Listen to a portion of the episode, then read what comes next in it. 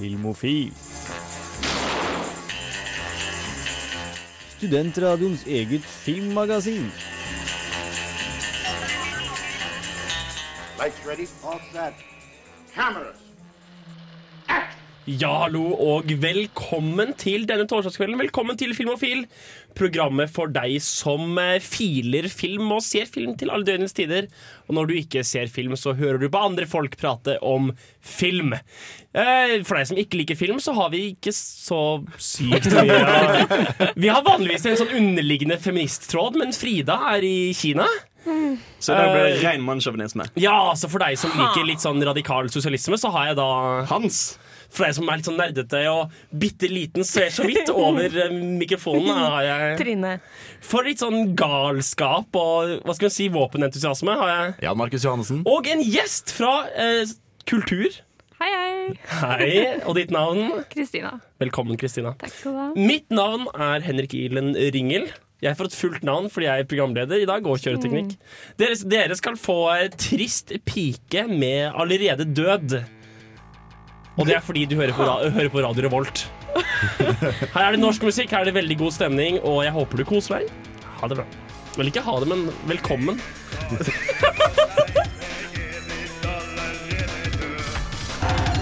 For et program i burra med både klasse og stil. Du hører på Filmofil. Du hører på Filmofil, og vi skal snakke om hva vi har gjort siden sist. Jan? Jeg har vært på Netflix og sett eh, det som begynner å bli en trend, i likhet med kokaindokumentarer og serier relatert til kokain, så har Netflix begynt å lage ganske mange sånne matdokumentarer. Typ Chef's Table, typ eh, Giro Dreams of Sushi, og nå den nyeste som heter Cooked. Ja, for det, dette er sånn mat matdokumentar som er matporno, liksom. Ja. Eh, det som jeg så Cooked liksom litt håpende om at her er det mye sånn close-ups av mat, og mye sånn vitenskapen bak mat. Men det er, egentlig sitter jeg litt med følelsen av at dette er en eller annen fyr som har skrevet en bok. Eh, som liksom drar de store linjene mellom mat. Det er som, vet du hva? Mat har bygget samfunnet. oss, folkens, vet du hva? Mat er liksom greia som bare binder livet sammen. Og så går han gjennom liksom, Earth, Wind and Fire, uh, hvor han da har en episode om ild og tilbringa mat med ild. Wow. Og så møter vi noen sånne stammefolk nede i Australia som slår igjen en øgle og kaster den inn i en, en sånn skogbrann. Og så plukker den ut igjen, da, og han bare Ja, vet du hva, det er dette som er mat. Og jeg var sånn OK, OK. Uh, dette er tydeligvis noe Netflix driver med om dagen, og jeg vet ikke helt om jeg liker retningen de er på vei. For Hvis det er for mye mat for deg, Jan Markus Oi. Nei, det er nettopp det. Det er ikke nok mat. Er det for lite mat? Det er for lite mat. Det er en serie som sier at den handler om mat, men som er en eller annen pretensiøs matskribent som løper rundt og føler hva mat burde være. Og ikke nødvendigvis noen som lager mat. Så du føler deg lurt, med andre ord? Litt lurt. Der uh, vil jeg heller faktisk anbefale Chef Steps på YouTube, kanalen der. Hvor du faktisk lager mat og lærer om mat. Ja, fordi Hero Dreams of Sushi er en interessant matfilm, men det er hovedsakelig en persongreie. Det er jo hovedsakelig Ja. liksom en kul film. Det er ikke hovedsakelig bare slow motion close-ups av mat. Nei. Det er en bra film som handler om mat. Ja, og, Men der føler jeg også at de har veldig mye Du kan omtrent smake sushien når du ser på den. De tar liksom og plukker ut fisken, de pensler den med soyasaus og gjør en svær deal av det. Pluss at historien til han Hiro er mye mer interessant Ja. enn denne litt hipster matskribenten som dasser rundt i New York og egentlig aldri har møtt motstand. Jeg har uh, sett en Daniel Radcliffe-film uh, som heter uh, Victor Frankenstein. Ah. Og jeg hadde jo da egentlig begynt etter hvert få en sånn følelse av at det at Daniel Radcliffe har så mye penger, det at han er så kjent, det at han er liksom så veletablert, gjør at han kan velge hva han vil av film. Og han kommer fra en av faren hans er, er sånn der manuseditor, eller hva faen. Så han, han har liksom i blodet å velge gode manus. Og det føler jeg har stemt godt, fordi alle filmene jeg har sett han i omtrent, har vært dritkule. Altså type Horns og uh, Young Doctors Notebook-TV-serien. Og han, han, tar jo så veldig annerledes roller enn mange andre sånne der, eh, folk som har blitt berømte for én rolle. Ja. Ja. Eh, heller enn å på en måte bli typecast som sånn her uh, liten kid. Så, så bare gjør han nye ting hver gang. Det er dødsgøy. Og han slår meg litt som en ekstremt sympatisk type som Ja. tenker liksom sånn Vet du hva? Jeg har, jeg har nok penger til å leve på resten av livet. Jeg lager noen kule filmer som folk vil sette pris på. Ja, ikke sant? Han gjør ingenting bare fordi det er kult for et studio at han gjør det. Frem til nå. Fordi Victor Frankenstein er altså noe av det mest bæsje-bæsje jeg har sett. Siden liksom i går ettermiddag en gang. Det er altså noe av det verste. Det er altså så grusomt, fordi jeg har sett mye Oscar-filmer denne uken. Jeg har sett Trumbo, den synes jeg var ga- gammel, eller en åtter, liksom. Den synes jeg var OK kul. Jeg har sett The Big Short, som Trine, du var ikke så entusiastisk for den. Nei. Jeg elsket den! Så Klart du gjorde det! The! Big Short var fucking amazing! Du er fra klart Bærum, du hva forventer du? det er en drit i temaet. Dialogen er skarp som faen. Det er spennende, det er, det er fort. Det er, de, den balanserer sånn fire historier samtidig. The Big Short er en fucking dritkul film. Er ikke den filmen med Margot Robbie i en badekarscene? Det også. altså, The Big Short var en Altså, det var en fuckings film, altså. Nå har jeg ikke sett den, men jeg føler det er litt som den derre hvor Leo i Wolf of Wall Street bryter den fjerde veggen og snakker liksom sånn ja, det, Dere driter litt i hva som skjer. Poenget Ja. er at vi lager masse Og, det, og de ja. gjør det masse, og det funker Og- kjempebra hele veien. Og det er en slags sånn to timer lang film med det. Ja, på en måte. Du vet, den, det, det, altså, den fete biten av Noe av den fete biten av uh, Wolf of Wall Street er den der montasjebiten, og da får du også den der fourth wall-breakingen. Hvor liksom Det skjer noe fett, det skjer noe fett, flash, flash, flash. Og det er, det er gjort på en veldig kul måte og veldig veldig balansert. Og han snakker til publikum, og man sitter og koser seg litt. Den følelsen omtrent, bortsett fra at istedenfor å kose seg, så er man litt sånn åpenmunnet horrified, varer gjennom hele The Big Short. Den, altså, ja Årets beste film, altså. Vet du hva? Så nå har du, en, nå, nå har du, nå har du en, en, en, en, raging boner fra Henrik, og en litt sånn slapp entusiasme fra, fra Trine. Vi får være uenige. Det er lov. Det er lov. Vi skal høre Cosmic Boogie Tribe før dere får mer eh, siden sist her på Filmofil. Bandet er Habaneros. Der fikk du bandet Habaneros med bandet Cosmic Boogie Tribe, og plata heter antageligvis også Habaneros. Alle! Og alt heter Habaneros. Det var da selvfølgelig da egentlig bandet som het eh, Cosmic Boogie Tribe. Vi snakker siden sist her på Filmofil. Kristine, vår gjest, har du sett noe siden 90-tallet en gang? Ja, eh, jeg har prøvd meg gjennom eh, Fuller House. Den nye Å, oh, Gud. Ja. For det ble jo litt slaktet i mainstream media. Eh, jeg har jo også anmeldt eh, Fuller House for dusken.no. Sånn self... uh, Ja, bare klikke, eh, klikke seg inn. Um, uh, nei, um, jeg vil gjerne ha de siste Altså de seks timene jeg har brukt på den serien, tilbake. Um, jeg elsker nostalgi. Nostalgi er best, men uh, det her kunne jeg faktisk ha spart meg for. Ja, for Nostalgi er jo best hvis en ikke oppsøker det i for stor grad ofte.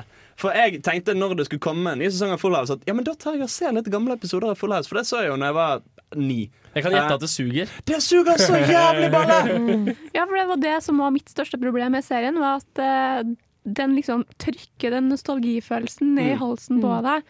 Så du har liksom ikke noe annet valg, du må bare sitte der og ta imot det som Ja. Ja, fordi de prøver hardt. De prøver altfor hardt. Jeg prøvde å se første episoden. Jeg, bare, uh, jeg har ikke sett så mye av Full House. Og bare Hei, la oss stirre inn i skjermen og spørre hvor Mary-Kate og Ashley Olsen er.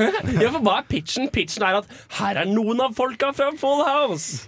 Eh, Det er basically eh, 20 år senere, eh, hvor barna da på en måte tar over eh, rollene som de tre mennene hadde første gang. Så vi, vi, vi, vet vi om det funker bedre, eller funker det bare like bra som før, og vi oppdager først nå at det gamle sugde? Eh, Det er vel mer også Enkelte ting burde bli lagt igjen på 90-tallet også. Det- Men de har jo fått seertall som bare faen. Altså, altså, han har jo allerede blitt fornyet til en sesong to nå. Hæ? Ja, ja, ja. Det blir mer Fuller House. Ja, ja, Even Fuller House? Det er jo en Hva skal jeg si? Jeg får jo på en måte bare bekreftet min generelle verdensoppfatning om at alle er idioter til det motsatte er bevist. Og det at det finnes en eksempel treer og fire, og jeg vet ikke hvor de er, av den Alvin og gjengen-serien. Men-? Ja, de er på fire nå, og det slutter jo ikke. Nei. Folk ser det. Men hvem er demografien for, for Fuller House? Jeg forstår ikke. Er det, er det, er det den derre Transformers-demografien, liksom? Jeg tror det er sånne gamle husmødre som eh, satt hjemme med ungene sine på Nei. 90-tallet. Serr? Det er ikke lov. Hva, hva, eh, eh, Boy Meets World? Ble ikke det til Girl Meets World, en ny serie? Har noen, har noen ja, sett den? Jeg har ikke sett den. Jeg vet at det handler om dattera til de to. Jo, men det er gjort på en mer sjarmerende måte. Ja, Altså, det funker Fuller, bedre. Fuller House er litt mer sånn Hei, John Stamos er fremdeles drithei 20 år. Ja. Vær så god. Men det, det, er jo hele, det er jo hele åpningstingen til første episoden. Bare Nei, men se hvor fin vi ser ut ennå! Vi er skikkelig heit alle sammen! Å, Å, gud. Og ting som var sjarmerende for 20 år siden, er veldig veldig utdatert nå. Altså, catchphrases er ikke like morsomt når du hører dem eh, 13 episoder etter hverandre. Mm. Men uh, X-Files Nå er det egentlig ikke så lenge siden den siste X-Files-filmen kom ut, men har noen sett serien? Nei. Du har vel sett den? Mm, Jeg har sett, sett første episode, men jeg var aldri noen stor X-Files-fan. Uh, jeg vokste opp med X-Files, så jeg føler at jeg er veldig biased. Uh, Og? fordi, eh, ja, Klarer du å fange ilden? jeg likte det, altså. Ja, fordi David Duchovny har ikke blitt noe annet enn bedre. Men altså, nå skal det jo sies at uh, Dana er jo Eller Scully er jo min Gillian Anderson. ja, Your hun spirit er- animal. Hun er, she's my girl. Har noen sett noe nytt uh, siden sist her borte på andre, siden av bordet? Hans? Jeg har sett uh, to og en halv sesong av 24. Oh, nei. Du har sett vel litt uh, 60? Det var hoderegningen sin. Åh, jeg går raskt. Nice. Nei, nei. Eh, det er jo eh, Jeg vet ikke om jeg vil si bra, men Så langt kan du ikke gå. Så langt kan jeg ikke gå. Men det er noe gøy med det, for det er så Jeg, jeg vet ikke, i etter, det, det er så jævla gjennomsiktig. Amerikapropagandisk. Eh, propagandisk er ikke et ord. Men ja. Ja, for det er jo I hver eneste sesong så kommer det et tidspunkt hvor de sier vi må torturere fiendene våre Ja, for sant. å komme til sannheten og redde liv. Oh, nei. Og så er det noe med den middelaldrende mannen som skal være 20 år yngre enn han egentlig er. Er det ikke noe sånt? Keeper Sutherland. Han er jo er ikke sånn 60 år eller noe sånt nå? Er det ikke på tide med den tredje Sutherlanden? er Fordi nå har Donald en god stund. Nå har det Keefer en god stund. Kan det ikke komme en tredje Sutherland som bare Å, jeg er en tredje. Altså, Donald Keefer, han med det heter eh, Lu- Lu- Lund- Lund- Lundeberg. Jeg hadde ingenting morsomt her. Han, Hans. Jeg, OK. Um, faen, det er masse. Det jeg skulle si, var at det jeg lærte i ettertid, som er jo egentlig ganske skremmende, er at i amerikansk politikk når det gjelder sånn bruk av waterboarding og sånn eh, på Guantánamo De som kjemper for fortsatt å bruke tortur, trekker fram 24 som eksempel. Men funker de i serien, da? Ja, i, ja, det er jo nettopp det. I serien så funker det dritbra. Keeper Sutherland torturerer terrorister. Og det funker. De finner bomben. Så det er faktisk offisielle sånn kongressrapporter som bare sånn når Jack Bauer i 24 torturerer terroristene, så får han det gjort. Greit nok. Greit nok. Det er kanskje ikke helt etisk korrekt, men det får jobben gjort for. Det, det er litt sånn TV-serienes Donald Trump. Ja. Mye flash, mye, lite nåde, og så blir America great again. Så hvis eh, man trenger et lynkurs i waterboarding, så er det bare å se 24.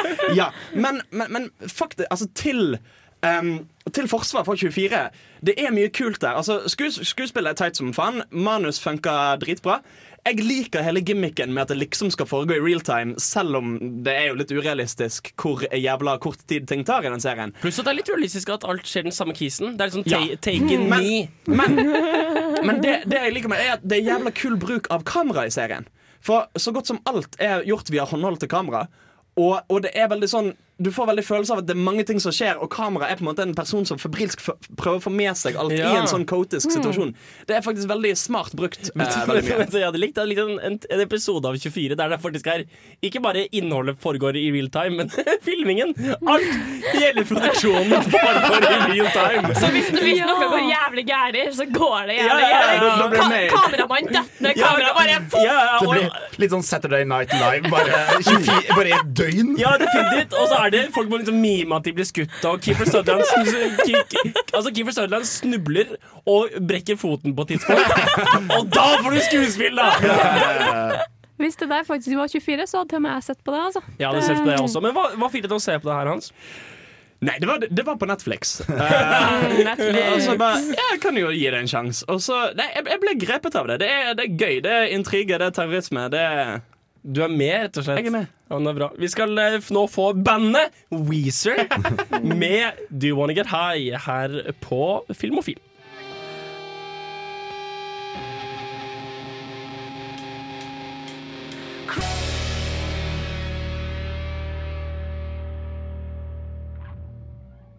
Og siden sist, Trine, hva har du gjort siden sist? Ja, eh, det er Kosmorama. Ja, for det er Kosmorama filmfestival Ja. nå på gang i Trondheim. Ja, så på onsdagen så, så jeg fire filmer. Ja. Tirsdagen så jeg fire filmer, for det åpna på tirsdagen. Dagene går i surr, og i dag så jeg to filmer. I morgen skal jeg se tre, lørdagen skal jeg se fem, søndagen skal jeg se seks. Og har, har du sett noen bra filmer? Ja, jeg har sett, jeg har sett en del bra filmer. Jeg har sett en film som heter Idol. Som handler som en feelgood-film fra Gaza. Takk Gud. Ja, for det er ikke filmatiseringen av Nei, nei, nei, nei, nei. Hvordan lager de en feelgood-film fra Gaza? Ja, det på. Det, er, det handler om en eh, liten gutt som har eh, eh, En liten gutt og søstre som har store drømmer om å bli sangstjerner. og gutten er kjempeflink til å synge. Så det er også basert på en sann historie som får meg til å grine som en gærning, som vanlig. Uh, så han vokser opp på Gaza. Han klarer å komme seg til, til Egypt. Og drar på audition for den arabiske versjonen av Idol. da Og er det, det, det, det er bra. Er det litt sånn Slumdog Millionaire, bare bedre? Eller dårligere? For Slumdog Millionaire var en bra film. Nei, jeg syns det er bedre, for jeg syns den, var- den var så koselig. Den er vel også mer ekte enn eh, Slumdog Millionaire. Fordi Ja. Slumdog Millionaire er jo sånn Snakker du om? Hva snakker du om? Altså, hallo, de hadde Pussycat Dolls som soundtrack. Altså, det blir ikke mer uh, glam enn det, altså. Har filmen den alternative tittelen 'Islamdog Millionaire'? Nei. Nei! Oh, det er vondt! Det er vondt. Ikke greit. Stopp sendingen, vi er ferdige. Vi er ferdige for i dag. Jeg har, jeg har ingen knapp for dette hans. Men det er det- den lille gutten som spiller i den filmen, skal på, eh, komme til Kosmorama i dag. For De har prøvd hele uka for å få den til å komme hitover, men de har satt fast på Gaza. Ja, rart den, med det. den, den er jo spilt inn på Gaza, så det Men du har jo sett masse filmer nå og skal se jeg regner vel på det til sammen en 46 timer film denne uka her. Føler du, hva føler du at du får i en filmfestival som du ikke får av å gå og se filmer på kino sånn av og til når du vil? Eller bli hjemme. Ja. du, du får liksom masse andre filmer som ikke kommer til å komme på kino i Norge. da Ja. Fordi det er en film nå som går siste, da, siste dagen den er i dag, klokka halv ti, som heter Angry Indian Goddesses. Ja. Og den er så bra. Det er skikkelig uh, Det er jentefilm. Eller ikke jentefilm, det, det, det er en basert Nei. Så hvis du hører på Filmofil akkurat nå, så kan du drite i å høre Filmofil, så kan du, kan du løpe rett til Kosmorama. jeg tror kanskje det filmet der er verdt det, men det, liksom, det handler om seks venninner. Det er ei som tilkaller alle sammen til Goa, for hun skal gifte seg. Ja. Og ingen som vet hvem forloveden er, og så tar den opp problemer som er i India nå. Eller som Fordi at mm, Jeg vil ikke spoile Så det er Sex og singelliv, The Movie India. Bedre, mye, 10 000 ganger bedre for Går sex og det an å bli bedre enn sex Hva og får du hvis du singelliv? ganger med null? Det er litt den. Det håper jeg virkelig. Men det, er det, noe, er det noe, noen veldig sånn Kosmorama-øyeblikk? Det, det, det er bare visninger på Prinsen, er det ikke det? Nei, Nova. Beklager. Nova. Nova. Så det er, Jeg var på- jeg var det er snakk om på- å overleve, liksom. Jeg var på festvisning til Welcome to Norway. Ja! Regissøren var der og prata litt. Han sa at Anders Båsmo Christiansens beste filmvinner var å drikke, eh, drikke heimbrent i heisen på Gråkallen. ja. det er litt sånn dagtradisjon der å ha, å ha pinlige historier og komme og fortelle. Ja, men han ville jo egentlig være her, men han var i Hva var det, han? Minsk og kjørte bil for Burning 2. Ja. uh, var det høydepunktet ditt? Altså, Nei! Er det noe du vil trekke fram? Altså, jeg blir kjempeinteressert. For at Det blir liksom, det blir liksom idol, idol. Den er så bra! Og sånn, Fær på visninga i morgen klokka seks, for han lille gutten som spiller i filmen, han spiller den yngre versjonen av den, uh, er der på Q&A etter filmen er ferdig. Men har du lyst til å møte en person som faktisk har de faktiske problemene som denne filmen faktisk fremstiller, i Norge, hvor du sitter her hvor det er, det er liksom Det er pluss én grad, og liksom Å, digg at våren kommer, og faen, det, det er fortsatt fem dager til studielånet. Jeg, jeg Sitter og gomler popkorn. Ja, Og så ja, ja. plutselig så bare kommer det dettende ned et sånn lastebillass med realitet ja, og har lyst lidelse. Jeg kjenner at Welcome to Norway er omtrent så nærme jeg har lyst til å komme i min lille Men liksom det er uh, den andre filmen som heter Chronic, med Tim Roth. Ja! Han spiller en sykepleier for de dødende.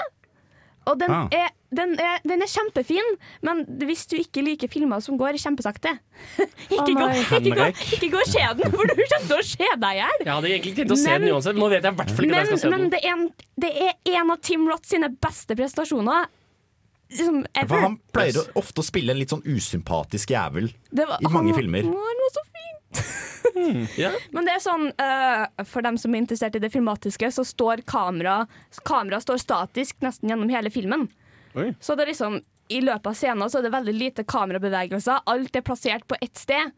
Og den står der gjerne litt lenger etter karakterene har gått ut av bildet. Så står den der litt for, å, for å skape stemning. Da. Og, det, og det, det tar deg ikke ut av det? Nei, jeg elsker sånne filmer! Nei, jeg føler jo at i en film som handler om at folk dør av sykdommer du ikke klarer å helbrede, så vil du gjerne ha litt sånn den fastlåste ventinga Ja, men i en film. Men det er liksom, Jeg anbefaler alle å se den, for at avslutninga på den filmen her den kom ut av ingensteds. Oi! Ja, OK. det Du er blir skikkelig positivt overraska. ingenting som en skikkelig skikkelig treig film, men twist på slutten! Apropos twist, vi skal faktisk høre på en låt nå. Uh, vi skal høre mer om Kosmama, fordi du har vært og sett Carol, Ja. Først skal dere få Sia med Reaper.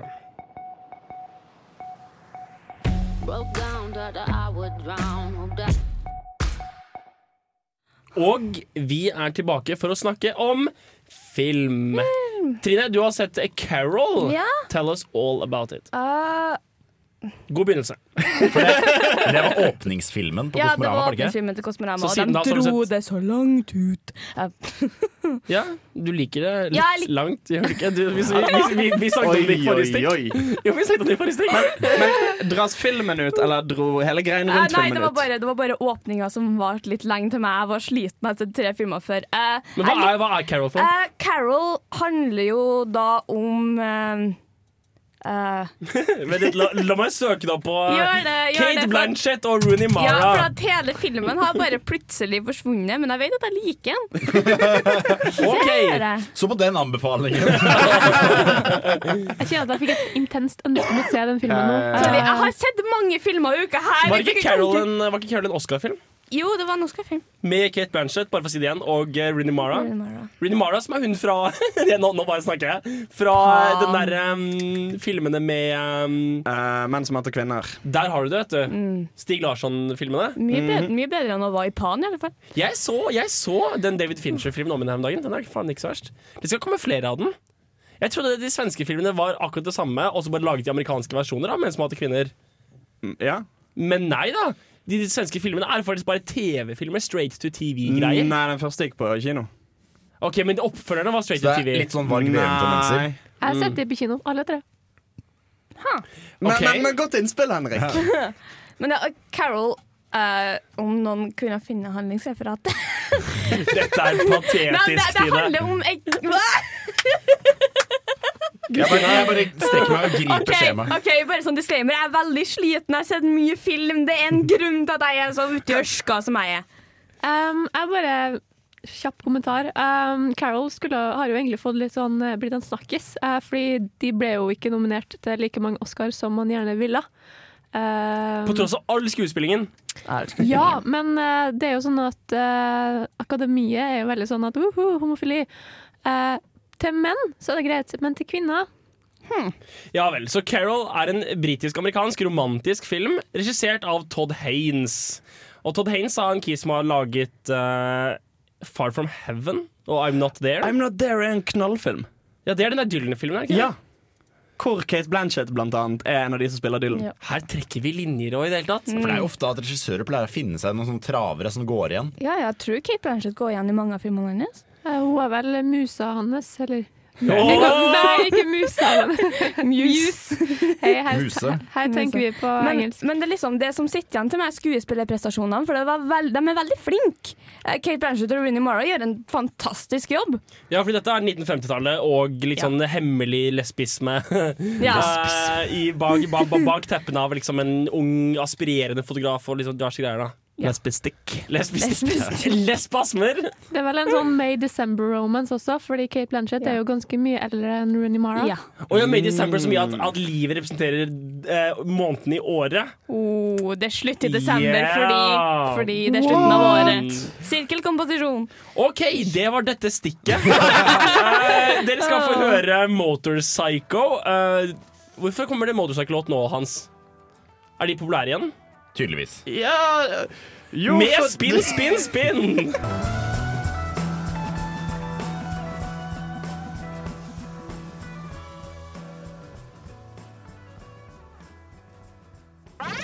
Filmofil gir deg nyhender fra filmen og fjernsynets i spanende vær. Og da prøver vi igjen. Trine med nyhetene. Ja, nyheter! Uh, The Lonely Island Ja! kommer ut med enda en film. De har tydeligvis én film de har hatt regi for sjøl. Yes. Og så har de en annen film de har vært eh, writers på. Og nå kommer Popstar. Never Stop, Never Stopping. Traileren kom ut i dag. Jeg må ærlig si at jeg syns det så dritt ut. Men er, er, det, eh, er Wimbledon med Adam Sandberg Er det, Var det en Lonely Island-film? Eller hvilke andre er de Lon- Lonely Island-filmene? Hot, Hot Rods og, og Extreme Movie. Ja. Ah, ja, Jøss, var de noe å se på? Vet ikke, jeg har ikke sett den. Når du sier en film er dritt, er det da en gyllen dritt? Eller er det liksom eh, en dritt du kan lide deg gjennom? Ja, det er en film som jeg ikke skal se, i alle fall. For jeg syns det er så jævla vittig ut. nemlig. Nei, Jo, synes du det, ja, men det, ja, men Er du er optimistisk? Tro det eller ei. Men det er jo litt sånn, hva skal jeg si, hot rod-typ er jo en det er en litt sær form for humor som spiller litt på det patetiske. I, eksempel, litt som Napoleon Dynamite, så finner du veldig mye humor i at folka er så dårlige. Og hvis du ser på det feil da, så, du, så ser du bare det dårlige og ikke på en måte geniet bak det. Og jeg tror kanskje Hot Rod og deres filmer er litt lik. Ja, og jeg, jeg syns det, jeg synes det funker så bra når Lonely Island gjør hele den greia, men det å være jævla patetiske mennesker som selger det som noen sånn jævla cocky, selvsikre mennesker. Ja, for det var greia med Dick in the Box. Greia med Dick in the Box, uh, Just Had Sex, uh, I'm On A Boat, alle de greiene der. Og uh, Andy Samberg sin TV-serie Brooklyn 99, som er fantastisk. Som er fantastisk. uh, he hele den der med å bare være så jævla selvsikker når du er en idiot, jeg syns det funker dritbra, og jeg syns traileren ser hysterisk morsom ut. Hei, Viktor. Og da har vi eh, en Feil eh, jinglepakke. Har vi feil jinglepakke. Gi meg et lite øyeblikk. Eh, det har kommet en ny trailer til Captain America Civil War. Ja! Og den viser Spiderman. Ja! Sjøl om jeg synes at de ikke burde ha gjort det. Hvorfor ikke? Fordi jeg synes de burde ha venta til filmen. Det hadde blitt spoila. Folk hadde løpt Ja, ja, ut av Kinosalen det, er en sånn derre- det er samme som big reveal som Khan i den der Ja, nye det, Star sånn, det, sånn, Trek-filmen. det, det har vært så mye morsommere å sitte i kinosalen. Jeg vet at den kommer, men bare Ja, se den enig. første gangen i kinosalen. Jeg er enig, ikke prøv å få det til å bli en reveal, liksom. Men hei, det her betyr jo at eh, Captain America-teamet faktisk har råd til å leie inn ekstra superhelter. I motsetning til Deadpool, Deadpool altså. Hallo. Det var en vits vi øvde på på forhånd. Vi ser hvor bra det funka. Jo, men folk likte, folk likte faktisk Ant-Man, og der var det et åpenbart tilfelle av OK, greit, film fra rulleteksten, hvem har vi nå til? Har vi nå til? Vi hadde fått det, han er vingefyren. Det kompisen til Captain? Kompisen til råd. Men altså, jeg har en litt sånn blanda følelse av Captain America, for at jeg føler at det er faktisk en ting som er too much. Eh, og jeg er litt redd for at Captain America kan bli too much. Hva legger du i det? Det, altså, det, hvor mange, er det sånn 54 karakterer? Altså, det er- det er litt sånn Game of Thrones, det funker for en TV-serie, men når du skal klemme den inn i to timer altså, du, Jeg gidder ikke å bry meg om 54 Det- karakterer. Den, den for så vidt eh, Anna, eh, mm, saksopplysning, ish. Eh, den, filmen, skal, filmen blir den lengste Marvel-filmen til date. Den skal være to timer Ja, og 21 minutter noe sånt. Det var det som manglet ved Captain America-filmene. skal Ja, men- enda lenger. Sånn må det jo nesten være. Eh, I den filmen, nettopp fordi at hele Civil War som det er basert på, er jo en jævla svær greie i Ja, Marvel-universet. akkurat. Med jævla mye som må behandles. Mange, mange ideer, mange, mange rett og slett retoriske vendepunkt. Ja, fordi Iron Man er en tidligere helt. Vi må forstå hvorfor Civil War ble en greie. Det er nettopp det. Og du må forstå hvorfor blir Iron Man på siden til de som har lyst til å fange inn disse superheltene. Hvorfor går Captain America mot sin egen regjering og blir en sånn eh, rebellfighter? Det er veldig mye som må behandle seg. Men da er det kanskje et godt tegn at de tar seg litt god tid, da. Men jeg er egentlig veldig enig med det Kristina sier. At jeg føler at Marvel-filmene har blitt for mye. Jeg liker litt den Jessica Jones, liker også litt den Daredevil, hvor de toner det ned igjen. Min Hva, mener du? Toner ned igjen? at de har ikke 54 forskjellige karakterer. Sånn, ja. Plutselig er det sånn Å, han er med. Ja, han er sikkert med i en tegneserie, men jeg er leser ikke tegneserien, så jeg, cameoen gir meg ingenting. Min yndlings-Marvel-film er fortsatt Iron Man 1. Fordi den er såpass nær Den føles virkelig. Det føles som om det er noe som kan ha skjedd, i motsetning til hvor de begynner å kaste byer på folk, og det er lilla mennesker som driver og er sånn semiguder, og jeg, jeg bryr meg ikke lenger. Hvem er den svarte fyren med vinger? Jeg, jeg vet ikke. Og let's be honest, altså, vi trenger ikke en god grunn til hvorfor folk eh, vender seg mot Iron Man. Han er jo et rasshøl. Jeg, jeg, jeg, jeg liker han, jeg. Han er, han er indøk type, han. Selvfølgelig liker du Iron Man. Eh, jeg, er, jeg, er, jeg er kjempeuenig. Eh, jeg, Jeg er kjempeuenig! for jeg liker det at nå nærmer film Nå, nå har vi fått et eh, Marvel Cinematic Universe som har oppnådd litt den samme statusen som tegneserieuniverset. Nemlig at du har mange forskjellige IP-er som ha, eh, er i samme delte univers. IP er altså intellectual property for de som ikke Ja. En slags serie. Og så, eh, og så har du disse ensemblefilmene hvor alle de jobber sammen eller mot hverandre. Og det funker jo så jævla bra i Civil War-sammenhengen. For da må du ha dette med Altså basically Dette er jo et svært eh, kataklysmisk event som påvirker hele dette universet. Og da må du ha med alle karakterene. Ja, det er sant, og det er også, noe MCU, Marvel Universe, altså Marvel Cinematic Universe, har kanskje jobbet seg opp til. Så nå får vi kanskje liksom nytten ut av de mange årene med arbeid, på en måte. Eh, vi skal over til DC. Ja. Og Justice League-filmen har fått en ny castmember. Det er JK Simmons. Han skal spille Commissioner Gordon. Oh. Har noen sett den der, den der Gotham TV-serien? Den går fortsatt, gjør den ikke det? Jo, den gjør det. Apropos ting jeg gir faen i. Nei, men J.K. Simmons har jo spilt kanskje sin beste superheltrolle som han nyhetsredaktøren J. Jonah i Jameson. Daily Bugle. Pluss at han spilte jo den trommefilmen, hva nyhet den het igjen? eh. Men, så jeg føler at han kan gjøre en veldig god jobb i en, nettopp en sånn rolle.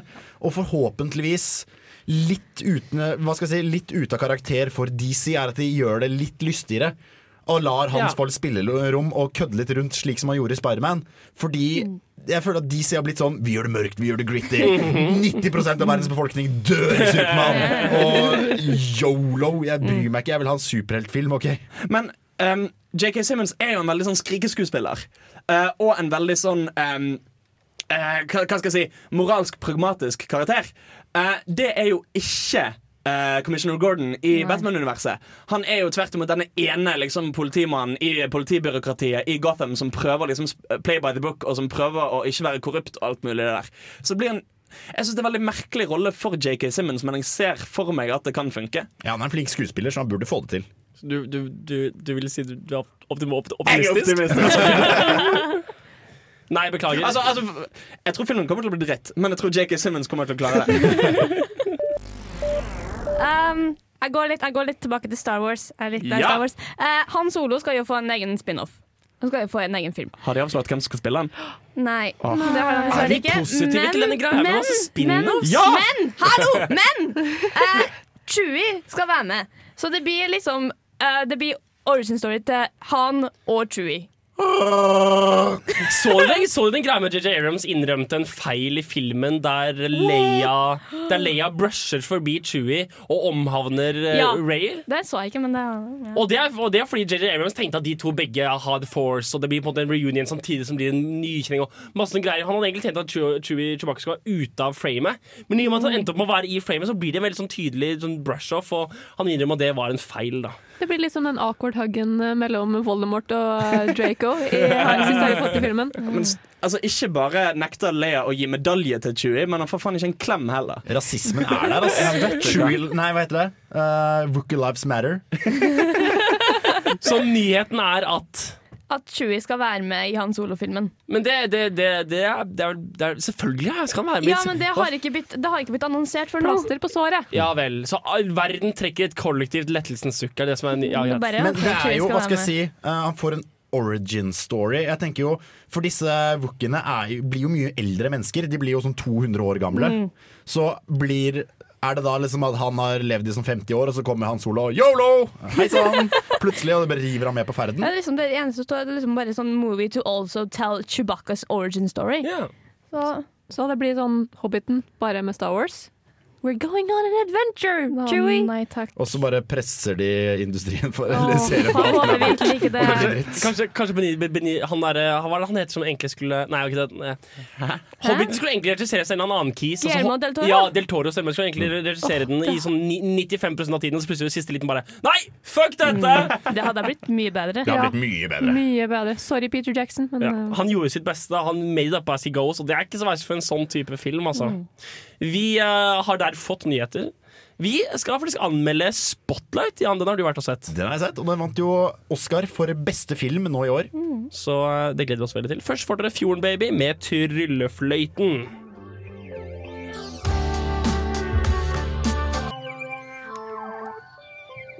Ja, jeg har vært og sett eh, Spotlight, som vant beste film på Oscar-utdelingen. Den har eh, hva skal jeg si, ganske mange kjente skuespillere. Og jeg tenkte liksom, vet du hva, den her Jeg vet ingenting om filmen, men jeg må bare skynde meg å se den. Den har jo til og med han duden som spiller løve i X-Men. Så jeg har laget en liten anmeldelse på det, og den syns jeg vi kan høre på.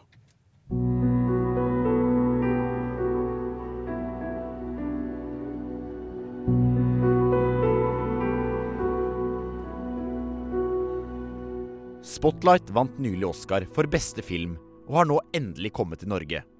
Filmen er en lavmælt dramatriller som lener seg tungt på historien, veltrente skuespillere og sin evne til å rive deg med uten å gjøre et nummer av det. Det fungerer, og det fungerer svært godt. Systemic.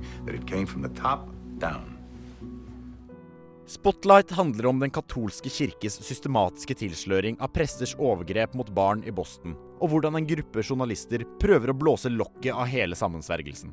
Spotlight, som er navnet på graveteamet til Boston Globe, jobber kun med én sak av gangen over lengre perioder av tid. Når de får et hint om katolske prester som forgriper seg på barn, bestemmer de seg sammen med avisens nye redaktør for å komme til bunns i saken. I'd like to challenge the protective order in the Kagan case. You want to sue the Catholic Church? Um, we're just filing a motion, but uh, yes. Spotlight benytter seg av et stjerneensemble av rutinerte skuespillere. Mark Ruffalo, Michael Keaton og Rachel McAdams er blant noen av fjesene man kjenner igjen på lerretet. Faktisk er det nesten distraherende hvor mange ganger man har lyst til å lene seg mot naboen og hviske Neimen, er han der med også?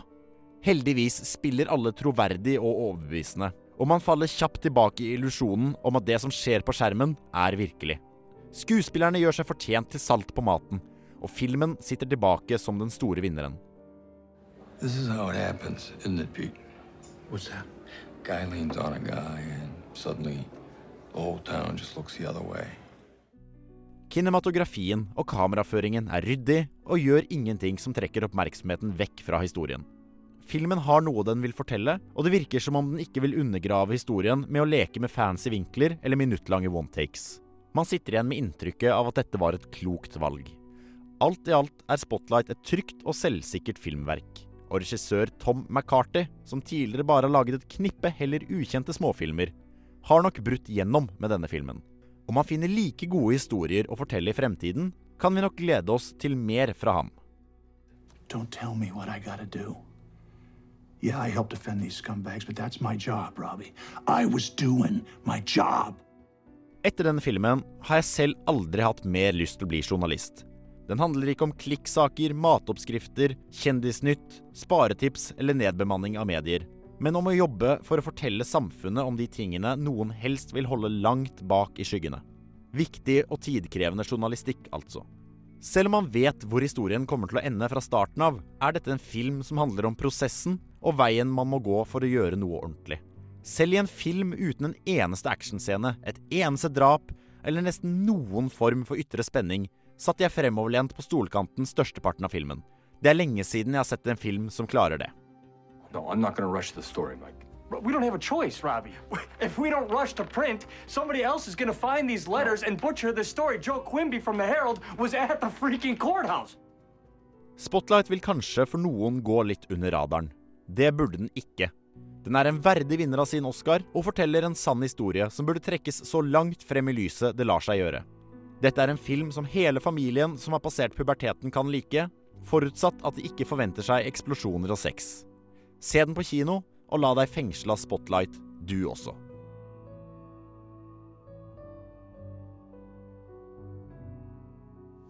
Det her er jo en film som, eh, hvis du hører på pianomusikken i bakgrunnen, som er ganske fengslende, er eh, Hva skal jeg si? Scoren er laget av eh, Howard Shore. Samme Mm. fyren som lagde Ja. musikken til 'Ringenes herre'. Åh, det hører du gjennom hele filmen. Så det er uh, veldig, veldig flink komponist. Du setter jo en tydelig uh, stemning i anmeldelsen som er veldig sånn eh, Hva skal man si Ettertenkt og litt sånn, litt sånn pirrende og litt sånn kanskje spenningsfylt. Er det, reflekterer det faktisk hele filmen?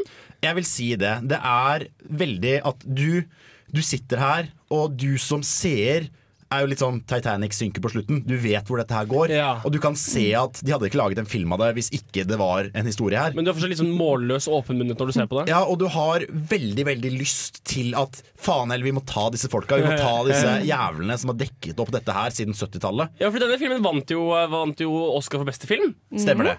Og det er, hva skal jeg si, er på slutten av filmen også, det som er så engasjerende og gjør deg litt sånn forbanna, og liksom, du kommer ut og bare Vet du hva? Vet du hva, Jeg skal bli journalist. Så skal jeg avsløre alle folka som sitter bak teppene, og som, som driver korrupsjon, og som driver med systematisk oppdekking av pedofili, og alt sammen. Du fikk jo litt den samme følelsen av å se The Big Short, for min del. Da. Og det er jo hva skal jeg si, det som kommer på, helt på slutten, er etter denne Boston-skandalen, så har de, uh, har de funnet masse sånn systematisk tildekking av eh, overgrep av barn av katolske prester i mange andre byer, som de lister opp. Og der er Trondheim en av byene. Å nei! Oh, Jo, jo, jo, den er der. Holy shit. Så ja, ja, katolske prester har antatt sitt barn i Trondheim. Jeg, jeg skulle bare si at I forhold til hele den greia med at du har lyst til å bli gravende journalistikk, er det jo litt gøy at en av de største sakene du har skrevet for Underdusken, studentavisen i Trondheim, eh, en sak om børstebiter som har falt av eh, børstebiler i Trondheim. Jepp, og dette er, dette er en film om det stikk motsatte. Dette er Vent litt, Kan du forklare hvordan dette er det stikk motsatte? Fordi det jeg skrev, det jeg skrev var en drittklikksak om hvorfor det ligger børstår i gatene. Det her handler om noen som faktisk prøver å avsløre et tusen år gammelt pedofilinettverk som er så inngravert i samfunnet at mødre som har fått barna sine antastet av prester, velger å tie fordi samfunnet og hele communityen de lever Ja, i, forventer det. Altså, Mm. ja, ja, men men ja, ok, presten tok på han, men det var bare et engangstilfelle, og du kan ikke ødelegge kirken. Du kan ikke gjøre det. Jeg bare lurer på, uh, I Spotlight så er det jo veldig mye altså, C-kjendiser, altså skuespillere som du kjente fra romcoms og diverse. Eh, men jeg har hørt at ensemblet er kjempebra. Eh, merkes det liksom, Er det noe forskjellig kvalitet, eller er det noen som du ble positivt overraska over? Nei, jeg vil si at alle spiller veldig gjennomført, og de spiller de fortjener rollene sine. Alle, det er ikke de store, det er, liksom- det er ikke Brad Pitt og hele den gjengen der. Men det er skuespillere du har sett før, og som du kanskje ikke alle kan navnet på. For eksempel han ene fyren med grått hår i Mad Men, og han der, han der løvemannen fra X-Men. Men alle spiller veldig bra. Ja, for han løvemannen fra X-Men Han spilte jo i X-Men Origins Wolverine.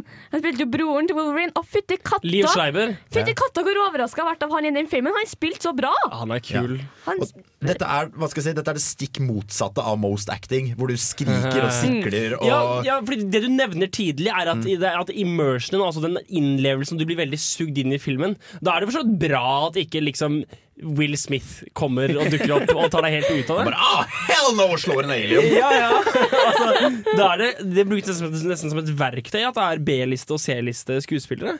Ja, det vil jeg absolutt si. På samme måte som det er en C-liste eller D-liste fuckings regissør som får Oscar for beste film på sin første storfilm. Ja, for det han har laget før, den forrige filmen hans, som var liksom en litt større produksjon, var en Adam Sandler-film som heter The Cobbler. Oi, å nei! Ja, det, Han regisserte oh, den. Han gikk, han gikk fra The Cobbler med Adam Sandler til å vinne regi, regi eller beste film som regissør. Og det er et ganske stort steg. Det må være tidenes eh, eh, karrierehopp. Altså, hallo, Adam Sandler, Oscar. Det er jo så langt unna man kommer. Der har du stikk motsatt. Vi skal videre til eh, ukas tema, nemlig monsterfilm. Først skal dere få Kari Harneshaug med Wild One her på Filmofil. I can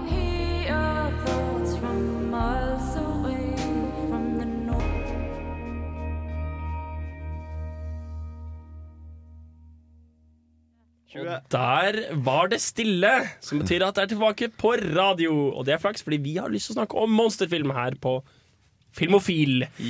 Monsterfilm! Jeg føler jo aller først at vi må skille litt mellom skrekkfilm og monsterfilm. Ja, For det fordi Hva er monsterfilm? Monsterfilm vil jeg si at er en film med fokus på et monster, naturligvis.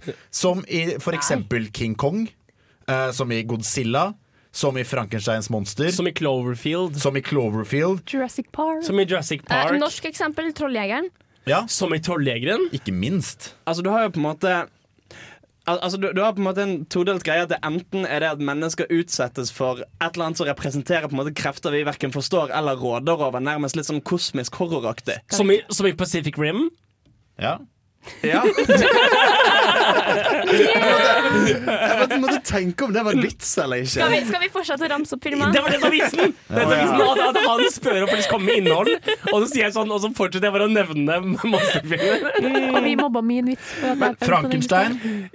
Ja, altså da er det men, men mennesker blir utsatt for denne enorme svære tingen. Wow, hva i helvete, det er en svær drage som kommer ut av bakken. Og så har du den med at mennesker plutselig er byttedyr. Eh, altså Plutselig er vi lenger nede på the food chain igjen. Uh, altså, altså uh, Du har svære dinosaurer og apekatter i King Kong, for eksempel. Eh, og der vi er ah, Cloverfield. Det kommer et svært monster, og den er etter oss. Um, Som, som plutselig gir, gir en veldig sånn utrygg følelse. Så en type vi da har kommet frem til av monsterfilm, er monsterfilm som en Armageddon-sjanger, på en måte. En katastrofefilm. Katastrofefilm. Hva er andre typer? Vi har snakket om horror. Og da blir monsterfilm mer sånn Alien, for eksempel. Ja. Alien-type ting. Der er Alien et veldig godt eksempel, for det er veldig tydelig en horrorfilm. ikke sant? Det er uh, Ridley Scott som liksom Hei, sjekk alle de skumle tingene jeg kan lage! Men til forskjell fra Det er jo hva skal jeg si, det er en veldig overlappende sjanger. Ja. Monsterfilm er en stor blobb som kan ha liksom et kakestykke innenfor horror, kan ha innenfor katastrofe og action, mm. type Godzilla. Eh, men det er Fokuset alt sammen er at du har noe som ikke er naturlig. Mm. For eksempel The Shining. Uh, der har du Der er monstre på en måte folk som blir gærne og begynner å hogge okay, inn nå, veggebøkser. nå synes jeg du, Nå- du Nei, det var litt ja, altså, Jeg ser koblingen, jeg ser koblingen Ja, men det der fordi, Nei, Jeg nå, mener I nå har vi jo, til The Shining. nå har vi jo monster-monster, har vi ikke? Hva sa du, Jan? I I motsetning til The Shining, Oi, det det hvor sa? mennesker er monstre. Så Ja. her har du da et helt spesifikt beist som sikler, dreper mennesker, spiser og fucker opp folk. Fordi det er så mye kraftigere enn hva et menneske kan være. Ja, men det gir mening. Hvis du sier i motsetning utenfor hodet ditt neste gang, Ja. så, så kommer vi til å være, kom- kommer til å være med alle sammen. For du har jo for eksempel Spotlight, som er en monsterfilm der monsteret er systematisk tildekking av katolske prester. nei, nei, nei nei monster, ja, monstrene er katolske Å, prester. herregud, det, det stikker her. OK. Det vi snakker om, det vi snakker om er Hva er monstre? Vi har kommet frem til at det er monstre som en slags Armageddon-greie. Der menneske, menneskeheten, som han så godt sa det, ble en del av the food chain igjen. Vi snakker om det som en skrekkfilm, der det er noe ute i skogen som er fragmentert, sånn som Science, sånn som Aliens. Eh, kan man også si at varulva er et slags eh, monster? I høyeste grad. Må ja. man ikke nesten si det? Jo. Fordi det er definert som overnaturlig, det er definert som menneskefiendtlig. Ja, for Her kommer du igjen til et sånt punkt hvor det er litt vanskelig å definere hvor overlappet begynner og slutter hen. Altså Spotlight og, eh, og der, den Ja, for, for eksempel er zombiefilmer monsterfilmer, er vampyrfilmer rett. monsterfilmer. Shit. Ja, fordi vampyrfilm må være det. Hvis, hvis varulv er det, så er man det. Ja, men jeg vil, jeg vil ikke ha sagt at en vampyrfilm Altså Twilight er ikke en monsterfilm, den er monsterdårlig. Jeg tror, Men, jeg tror forskjellen her er at det er ikke nødvendigvis en stor enhet. Det er én ting som er monsteret. Det er King Kong. Det er det ene romvesenet som har sneket seg om bord. Du har på en måte ikke en sånn stor flodbølge av eh, zombier. Hvis det hadde vært én zombie som var supersterk og kjempevanskelig å drepe, så tror jeg det hadde vært en monsterfilm. Men det å ha en sånn stor generisk blobb av eh, romvesener eller eh, vampyrer er ikke monsterfilm på det samme. Du må ha én skapning som må stoppes av menneskene. Det er sant, fordi vi snakker om Grunnen til at vi har det som tema denne uken, her er fordi filmen Cloverfield Lane kommer ut på fredag nå. som har Ten, ten Cloverfield Lane. Ten Cloverfield Lane, som har fått en anmeldelse av, eh, av filmpolitiet. Han skulle egentlig anmeldt den, men han sov. Så uh, eh, Ten Cloverfield har fått en helt OK anmeldelse av filmpolitiet, så hvis du har lyst til å lese den, så er det bare å gå dit. eh. Radio, radiokvaliteten får du selvfølgelig her, no offense. Til, eh, nei da. Eh, men vi snakker om det denne uken her fordi, som du nevnte, Jan, det er en slags overhengende greie. Folk sier hva slags film er det du skal gå og se? Jo, det er en monsterfilm. Men hva slags monsterfilm? Ja, men folk sier ikke det. Folk sier ikke, ah, men det er en monsterfilm. På tross av at det er en overhengende sjanger for sånn 17 sjangere som vi nå har nevnt. Og det er jo litt weird. Men da har monsteret en funksjon i filmverdenen som vi kanskje å snakke litt om i dag. Aller først skal vi høre Beglomeg. Som hver uke skal vi høre litt Beglomeg. Og det er ikke så veldig mye variasjon heller. Det er det Søvnløse netter den den dagen her. Og hvorfor er det den samme låten hver gang? Fordi vi liker den. Og Ja. på samme måte håper jeg du liker oss her i Filmofil. Du kan i hvert fall gjøre det på Facebook. Her får dere Beglomeg med Søvnløse netter.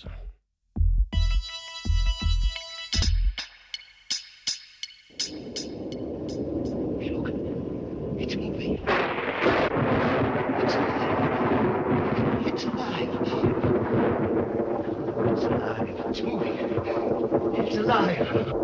It's alive. It's alive. It's alive. It's alive. Oh, in the name of God. Now I know what it feels like to be God. It's Alive der altså med Frankenstein. Du hører på Monster Exploitation, og vi snakker om filmofil. Som om det var en jævla låt, liksom. Det var det som var vitsen, ja. Mm. Takk til uh, Hans. Monster Exploitation, det er altså da Frankenstein vi hørte et klipp fra her. Ja, og grunnen til at vi bruker dette klippet uh, fra 1931 er at jeg føler det var der mye av monsterfilmene hadde sin opprinnelse. Fordi endelig så kommer kinoen, og du kan vise noe som ikke er ekte. Før så hadde du på en måte teater, og folk kunne sminke seg. Men her i film så har du da kule, kule spesialeffekter som kan rigges på forhånd. Og du kan vise monstre og lyn og varulver og Godzilla uten at du trenger å løpe i teppene og skifte kostyme mellom hver gang. Fordi det var jo Universal som kom med alle de deres skrekkfilmene. Frankenstein og Dracula og alt. Fordi det var Godzilla Nei, uh, King Kong. For at de, uh, å, prøv å huske på, prøv å huske på læringa. Mm. Husker Universal? De lagde veldig mye skrekkfilm. De tok og bare gjorde det om igjen og om igjen, om igjen for det, det, det gikk godt over med publikum. Ja, fordi det er jo en sånn trekkplasser. Hvis du først skal se noe på en TV, på en filmskjerm, så kan det like godt være noe skikkelig overnaturlig, Ja. noe skikkelig vilt Og, noe. og Universal var jo en av de små studiene i starten. Mm. Så de ble jo større og større, men de liksom starta med skrekkfilmer fordi det var B-filmer. Det var enkelt og billig å lage. Var det det? Var det en greie i begynnelsen? Var B-filmer i starten. Så kult. Og de prøver seg jo det på nytt nå, eh, med å revampe hele det der eh, Universal Monster Universe-greien sin. Nei, i dere, ikke gjør det. Basically Marvel for monstre. Men, eh, men hvor kommer de fra? Er det liksom basert på Hvor kommer liksom monstergreier fra? Vi snakket, vi, vi snakket om, når vi snakket om vampyrer, så snakket vi om um, Snakket vi om at det kom fra myter og sånn, men monster generelt, da? Eh, jeg har jo hatt den oppfatninga om at det kommer fra mareritt og drømmer, altså ting vi frykter. Ja, som, ja altså han, han, Hva heter han som har laget uh, Kronos og de filmene der? Gilmo del Toro. Gil ja, Del Toro, det er det andre gang i dag jeg har glemt navnet. Del Toro han, han er veldig marerittbundet. Mm. Han snakker veldig mye om at det er der det kommer fra. Mm. Eh, Han, altså alle hans filmer er basert på drømmer eller uh, ting han på en måte har tenkt. Eller han har sett en mørk skygge i, uh, i en bakgate og blitt Mm. redd liksom, og tenkt «Oi, shit, det her må jeg lage en film av. Um, så ja, uh, det, jeg tror det er derfor fascinasjonen er så stor også. Fordi at det er noe alle kan relatere seg til. For alle sammen har kjent på den skyggen i en bakgate. Liksom. Ja, for Det er veldig horror Veldig horrorfellesnevneren. Det at den, den, den stikker deg i magen med den følelsen av frykt. liksom Og de hadde jo òg en hva skal jeg si, relativt fersk eh, litterær eh, kilde til ting å lage film av eh, mot slutten av eh, Slutten av eh, 1800-tallet med typ Frankenstein. Uh, med uh, Edgar Allan Poe og HP Lovecraft. Ja, fordi den som en sjanger hadde vært aktuelt ganske lenge, egentlig. Mm. Før film begynte å utnytte det. Ja, ja, og da hadde du plutselig, som Jan Markus sier, filmmediet hvor en kunne iscenesette ting som ikke lot seg gjøre på scenen. Ja. Uh, plutselig kunne du faktisk visualisere dette, eh, som hadde vært en veldig populær sjanger. Og fordelen også med dette her, som Trine sier, er at dette var jo B-filmer. Det var billig å lage, men folk gikk og så det fordi de hadde monstre i seg. Og da har du den, alle den gotiske litteraturen som finnes fra før av. Så kan du på en måte bare plukke ut en bok. Vet du hva, nå lager vi en film av eh, Frankenstein. Slipper å skrive manus, bare gjør det om til en film. Så det vi egentlig kommer frem til her, er at altså, i i den grad disse filmene er monster exploitation, altså å, monster, la oss tjene penger på å lage disse filmene, og fett, la oss bare All the monsters all the time. Vi kan på mange måter si at monsterfilmen er erkefilmsjangeren. Fordi ja, innenfor drama så er det drama, det er komedie og det er romanse og alt sånt der. Men alle de hører egentlig med på teatret. Mens monsterfilmen er noe som liksom Det er det film gjør best. Ja, det vil jeg absolutt si, fordi du har på en måte litt sånn musikaler sånn. Folk kommer innkledd som flaggermus og begynner å danse. Men du har på en måte aldri et stort, en stor drage som kommer og begynner å trampe rundt på scenen, og det brenner og folk spruter blod Ja, ut av brystkassene. Det funker ikke så like bra når det er liksom 17 menn i en lang sånn dragekostyme. liksom. Eh, en ting vi ikke må glemme, er jo Japan i uh, Monster, monster Exploitation-sammenheng. altså hele kaiju-filmkonseptet med typ eh, Nå husker jeg ikke helt hva men Gojira, altså Godzilla, eh, Gamera, eh, alle disse monstrene og mange spin-offs med sånn eh, Gojira versus Gamera. Um, som bare åpenbart var folk i kostymer eh, som brøt med hverandre. Det er faktisk hele 37 eh, Godzilla-versjoner av og Gojira-filmer. Mm, seriøst? Eh, japanske og amerikanske. Det er vel 29 japanske og 8 amerikanske, tror jeg, kommende og Men har noen, sett, har noen sett den moderne Godzilla-filmen? Er det Ja. noe å se? Det er, hva skal jeg si, det er et veldig langt steg fra de originale. Nå er jeg ikke, skal jeg ikke påskryte meg at jeg har sett noen alle 37, Men liksom. jeg har sett noen klipp på YouTube, og du ser liksom at Jeg har sett noen klipp på YouTube. klipp YouTube, Wow. Og du ser at det, er, det kommer fra et helt annen origin enn før de hadde på en måte dataanimasjon og sånn. Eh, altså, jeg likte den nyeste eh, Godzilla-filmen eh, fordi at de hadde brukt alle pengene sine på Godzilla, og så hadde de liksom skvetta litt på manus og skuespillere. Så hvis at du vil se Godzilla for å se Godzilla, så se Godzilla. Hvis at du vil se en bra film, så Eh, jeg, jeg har en anbefaling hvis en vil se gamle, teite, cheesy japanske kaiju-filmer. Eh, på YouTube ligger de ofte ute i sin helhet som en del av um, Mystery Science Theater Ja. 3000. Som er en fantastisk eh, serie, hvor det Mhm. basically er en gjeng med komikere som sitter og forteller vitser til skjermen mens filmene snurrer. Trash-talker-filmer, rett og slett. Trash-talker- Trash-talker-filmer. uh, basically roaster filmen underveis. Uh, og det som gjør det fint er at da, for, for jeg har sett en av de Det var Gamera, altså en sånn svær skilpadde som kan snurre og sende ut energibølger. uh, mot en av de andre eh, supermonstrene. Og den er kjempegøy, nettopp fordi at mye av det er jo stille og bare bla, bla, bla. bla. Ja. Og i mellomtiden så sitter de og preker, så du ah, kan så liksom velge litt hva du følger med på. Ja, fordi uh, Mystery Theater 3000 er noe som har begynt opp igjen. Det skal begynne Ja. opp igjen nå i disse dager. Ja, Så men- da, der, kan være, der, der kan det være kul filmbiter ved å se alle de gamle tingene først. Fordi gjennom en rettighetsdisputt så bare sa de fuck it, vi legger alt sammen ut på YouTube. Ja. Dere skal få uh, litt, eller du skal få litt uh, Grimes, Flesh Without Blood, her i Monstersendingen på Filmofil. Vi har en filmlåt som kommer etterpå. Så kan du prøve å gjette hva den er. Hintet er I don't think this boat is big enough. Eller you're gonna need a bigger boat. Faen.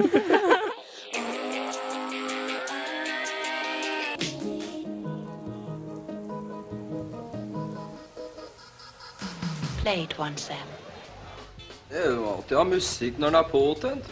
Helst noe indisk eller pakistansk. Ukas filmlåt. Og ukas filmlåt eh, kommer forhåpentligvis ikke som en veldig stor overraskelse på eh, våre ivrigste lyttere.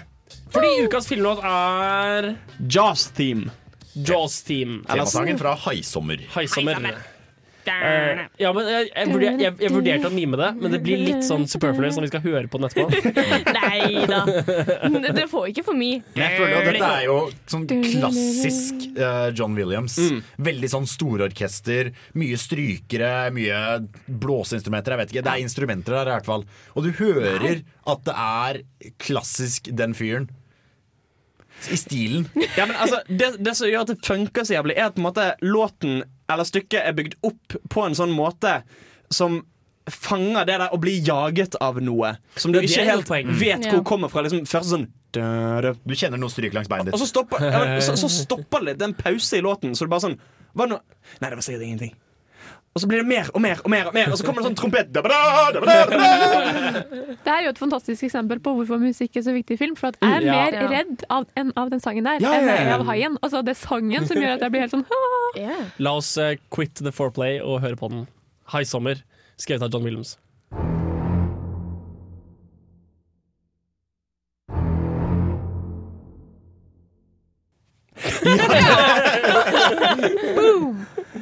Ja, Det jeg syns er kult med Haisommer, og som går litt inn i det temaet vi skal snakke om nå, er jo hvordan Altså, dette er en det er en film som handler om denne haien, som Mm. kommer fra liksom havet, dette store, ukjente dypet. Og det går veldig inn i den altså monsterfilm som kosmisk horror. Som horror. Hold kjeft. jo, men, men det store med det, det er at i det store, uoppdagede dypet så fins det beist som vi overhodet ikke aner noe som helst om. Ja, fordi- Og, og, og, og det, med, det med at det setter mennesket i en veldig sårbar posisjon, der vi er vant til å være liksom på toppen av næringskjeden, vi vet alt som er å vite om verden, så plutselig skaper det et bilde av at verden beveger seg helt uavhengig av oss. Det er krefter som er i sving som vi ikke vet noe som helst om, og vi kan bare skvises av en svær tommel når som helst. Ja, fordi disse monsterfilmene gjør det veldig bra med å utnytte menneskelige fober. Og det du snakker med, med Haisommer, er liksom dypet og noe som, noe som akkurat var så vidt var nær foten din. Det er sånn utrolig sånn frykt for dyp, og frykt for høyder, og frykt for liksom Jeg frykter veldig jeg, Science kom, fikk veldig kontakt med min sånn frykt for å være ens, ensom og alene og mm. isolert. Isolasjonsfobi, da faen hva det Men Ja, nei, bare tenk deg La oss si at du har på deg dykkebriller, og så, så bare svømmer du på 200 meters dyp. Ta en kjørebåt, kjører ut på dypet, så bare svømmer du, og så ser du ned.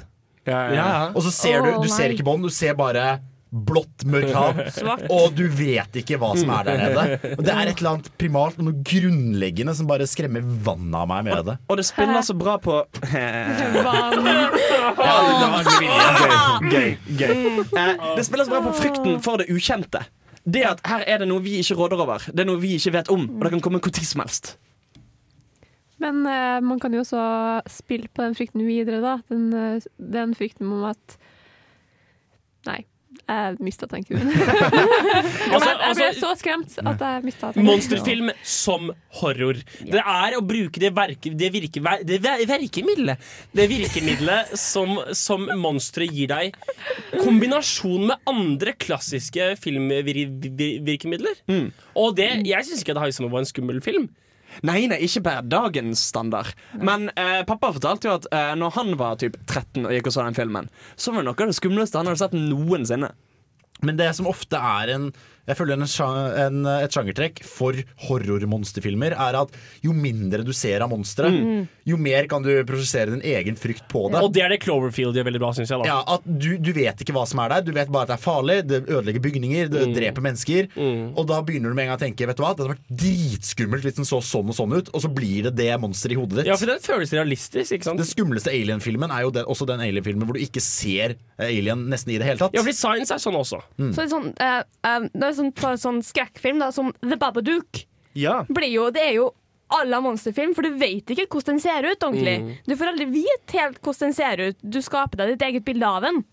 Men kan man ikke si at grunnen til at eh, vi ikke blir så skremt i dag, er jo for at vi har fått liksom de monsterfilmene trygt ned i halsen. Det er Mm. veldig lite som er skummelt i dag, fordi vi har på en måte sett alt. Men det fins eksempler av filmer som klarer å være horrorfilmer med mo monstre og vise monstre. Altså, har du noen andre som har sett uh, The Mist? Ja. Det er en Stephen King-bok som er helt fantastisk og sjelødeleggende. Og filmene er egentlig ikke Den er ikke bra på noen vanlige målbare måter, men den, den, den rørte meg, den filmen. altså Ja, men Det vil jeg si er en film som er Den er middels god, men gjør deg kjempeforbanna, kjemperedd og bare helt sånn Ødelagt. ødelagt Og den viser jo monstre som bare faen, den, liksom. Nei, men jeg vil, jeg vil si meg litt uenig, fordi jeg har kjempestore tentakler. Det kommer noen sånne der, eh, bier og sånn inn eh, og er Ja, men du har, helt jævla du jævla har, ja, om du har en følelse av noe større. Ja, det er Ja, men du greier at hele dette kjøpesenteret som de gjemmer seg inni, i, dekkes jo av tåke. Og de Ja. vet ikke hva som er der ute. De ser kanskje Ja, en, en, Ja. en kjempestor tentakkel, så tenker du hva er i andre enden av den kjempestore from, liksom? Ja, fordi det er noe der ute den er festet i, og vi vet ikke hva det er. Hvor mange tentakler har dette beistet? Er det liksom, kom, kan det rive av hele bygningen av fundamentet? Vi vet ikke. Hvor stort er det? Jeg vil nevne et litt annerledes eksempel, men som spiller på litt av det samme. Uh, en film som ikke ble så veldig mye sett. Uh, Splice.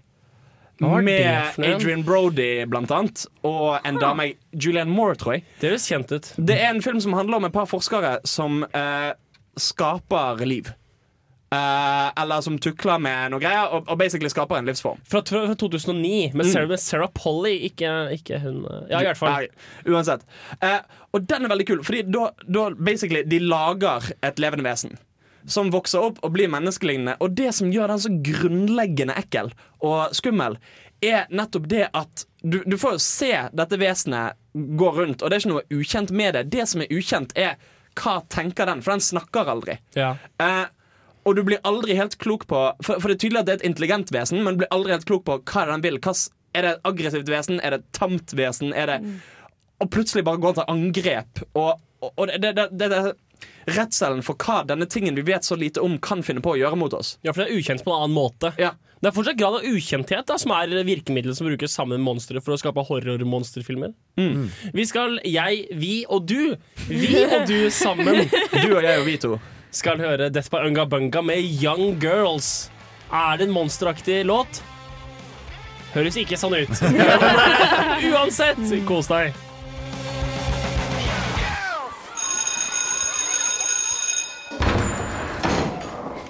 There will be no foolish wand waving or silly incantations in this class. No, okay, that's it for the day then. Today, we have a similar debate over this. Anyone know what this is, class? Anyone? Anyone? Anyone seen this before? Ukens hjemmelekse. Og ukens hjemmelekse var en klassiker, ifølge Hans. Ja! The Host fra Korea. Sør-sådan. Sør-Korea. Sør. The best Korea. Jeg har ikke sett filmen, og har egentlig ikke tenkt å se filmen, så noen andre må snakke om denne filmen. Altså, det er jo en film hvor vi følger en litt sånn udugelig dust av en fyr. Eh, hvor, ja, hvor plutselig et hvert monster dukker opp fordi eh, noen eh, koreanske forskere som jobber for eh, det amerikanske militæret, dumper noe drit i eh, elven. Vent, jeg har sett denne filmen. Gratulerer. Eh, Det skal også sies at eh, den her er basert på en ekte hendelse Mm. som skjedde i eh, 2000 i Sør-Korea, hvor en eh, amerikansk militær siviloffiser eh, fikk beskjed om å dumpe sånn eh, Formalin. For, hæ? Eller formaldehyd, For, som det heter på engelsk. formaldehyde Mm. eh, i eh, en kanal som leder til Han-elva, som da er den som går gjennom hele Seoul. I hvert fall. Ja, men det, det var Altså- basert på en sann historie. Da, Ja, det var ok. ikke det jeg Poenget Dette er en film som er veldig amerikakritisk. Eh, hvor altså For det første amerikanerne vises som veldig sånn hensynsløse, som bare driter litt i eh, hva som går tapt i veien. De bare dumper drit rett i elven. Eh, du har, Når de skal prøve å rydde opp i hele greien, så har du dette Agent Yellow. Tar folk referansen til Agent Ah. Orange i Vietnamkrigen, Ah, eller? Agent Orange. Uh. Eh, og så har de også, eh, altså, Amerikanske filmer har jo gjerne en token Asian guy. Her har vi en token American guy som skal redde verden. Og, så, Og som så blir drept. Ja. Eh, så Men det er sånn! Skulle det, face. skulle det her være en skummel film? Nei, det vil jeg ikke påstå. Jeg ble så skuffa, fordi jeg har liksom sett posteren til denne filmen, som da ser skikkelig fryktinngytende ut. Eh, så når jeg satt med det, så var jeg liksom OK, nå har jeg pute foran ansiktet, nå er jeg klar for å bli skremt. Og så endte det med at jeg satt og, satt og lo, fordi det monsteret det var jo ikke skummelt i Ja, for det er det jeg husker å ha sett? Ja, ja, ja. Nei, men jeg vil jo heller si at dette er monsterfilm som eh, sosialkritikk. Eh, Den tredje- sam- tredje typen. Ja, ja, ja. At er ikke egentlig vi som er monstrene?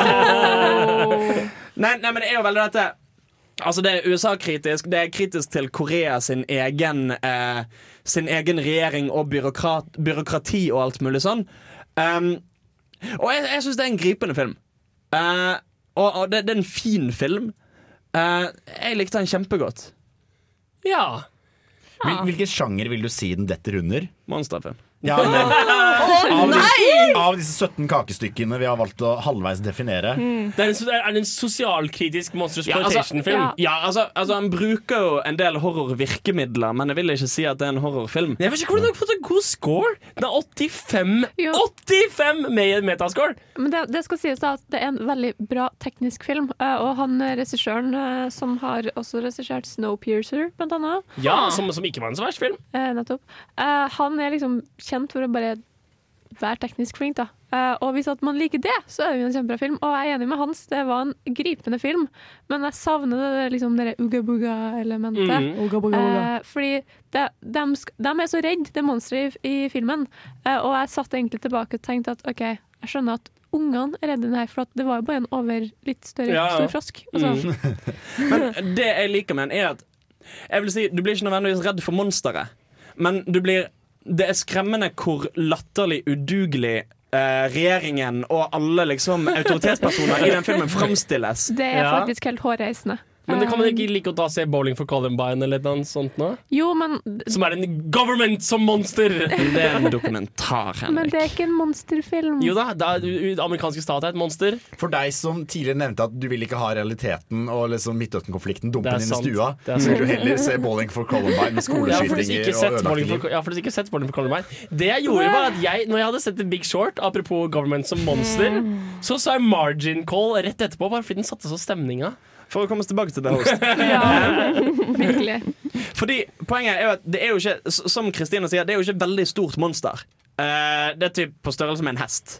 Uh, og det er jo nettopp det hvor ufattelig lang tid de bruker på å overvinne et sånt monster i typ et ganske velutviklet land.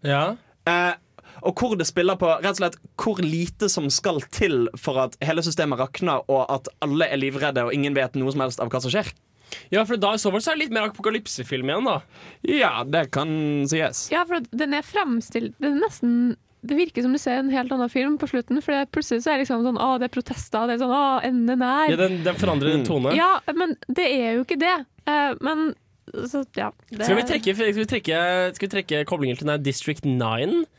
Den der monsterinnvandringsfilmen som handler om noe helt annet enn man tror den kommer til å handle om. Nei, for det blir ikke helt det samme, altså. Det, Det, høres gjør jo det. litt ut som det er en sånn slags Som han sier, en kritikk av regjeringen. Og det vil si at de sier at OK, alt når det går på gata nå i virkeligheten, så ser alt veldig bra ut, men vi er én dominobrikke unna at alt Ja, ja, ja. raser sammen. Og det er jo det er skremmende. Skremmende, sier jeg det. Sosial horror! OK, greit. Apropos Henriks dårlige bergensdialekt. Vil du, vil du si at det er noe horribelt dårlig dialekt? Jeg tenkte å si vi skulle ha et bergensband, så det var litt gøy at uh... Kakk Madafaka med Young Yu? Ja.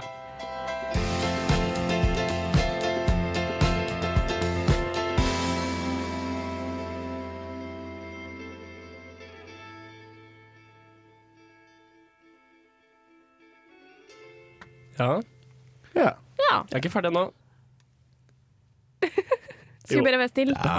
Ja, men altså, låten var ikke over. Vi må respektere, respektere musikeren til å, til å legge inn eh, 18 sekunder med stillhet Ja, i men det var jo låten så sin. fin sånn bed til oss å snakke på. Det er sant. det er sant Det er sånn som vi burde utnytte det. Skal vi skru det igjen? Ja. Hva, hva med nei? Kan vi, ikke heller, kan vi ikke heller snakke litt om hva monsteret kan representere? Det var det interessant kanskje at- det. at du skulle si, han. Vet du hva, Det kom jeg på akkurat nå. Wow. Akkurat Wow, så nå. Og som uh, det ble nevnt i The Host, så representerer denne hestefrosken eh, litt sånn hvor lite som skal til for å vippe et tilsynelatende fungerende samfunn av pinnen. Og i den settingen så har du da Hva skal jeg si Monstre er veldig ofte manifestasjonen av frykt. For eksempel haien i Haisommer kan ses på som en manifestasjon av frykten for dypet Ja. og det ukontrollerbare når du er ute og svømmer.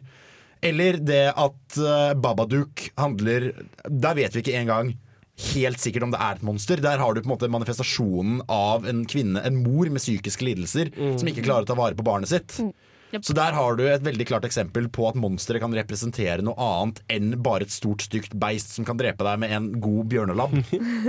Det var derfor jeg likte The Host så godt, fordi at der er på en måte monsteret er vel egentlig mer en metafor på hvor, hvordan regjeringa takler krisa. Altså, de takler jo ikke krisa i det hele tatt. De sto jo egentlig bare på bar bakke og sprang i en sirkel og visste ikke hva de holdt på med. Og så har du òg filmer som eh, hvor monster representerer en veldig konkret ting. Altså da eksempel Godzilla. Eh, som veldig konkret eh, skal, fores, eh, skal liksom være en metafor for atombomben over Hiroshima og Nagasaki. Ja.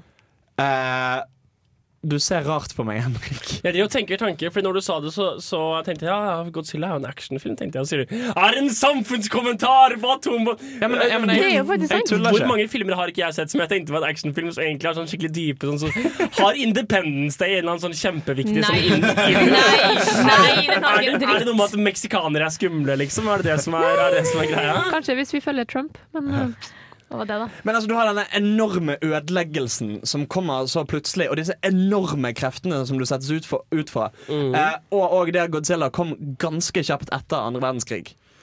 Og det er jo Godzillas origin story er jo at det var en eller annen firfisle eller noe i Bikiniatollen som ble en yuka og dermed ble Godzilla.